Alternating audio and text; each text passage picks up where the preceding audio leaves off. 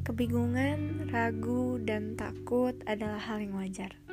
Kita semakin dewasa dan dihadapkan oleh banyak kenyataan pahit yang harus kita hadapi. Kita dihadapkan oleh banyaknya masalah yang datang sekaligus, namun harus diselesaikan satu persatu. Kita mulai ragu dengan diri kita sendiri. Apakah kita bisa melewati ini semua dan menjadi versi terbaik dari diri kita? Namun, perasaan ragu, bingung, dan takut malah menghambat kita untuk bertumbuh. Kita juga harus seimbang, ragu sewajarnya, takut sewajarnya, bimbang sewajarnya. Tapi kita juga harus bisa menyemangati diri kita sendiri, meyakinkan diri kita sendiri, memberanikan diri. Ingat, cobaan datang setara dengan kemampuan kita.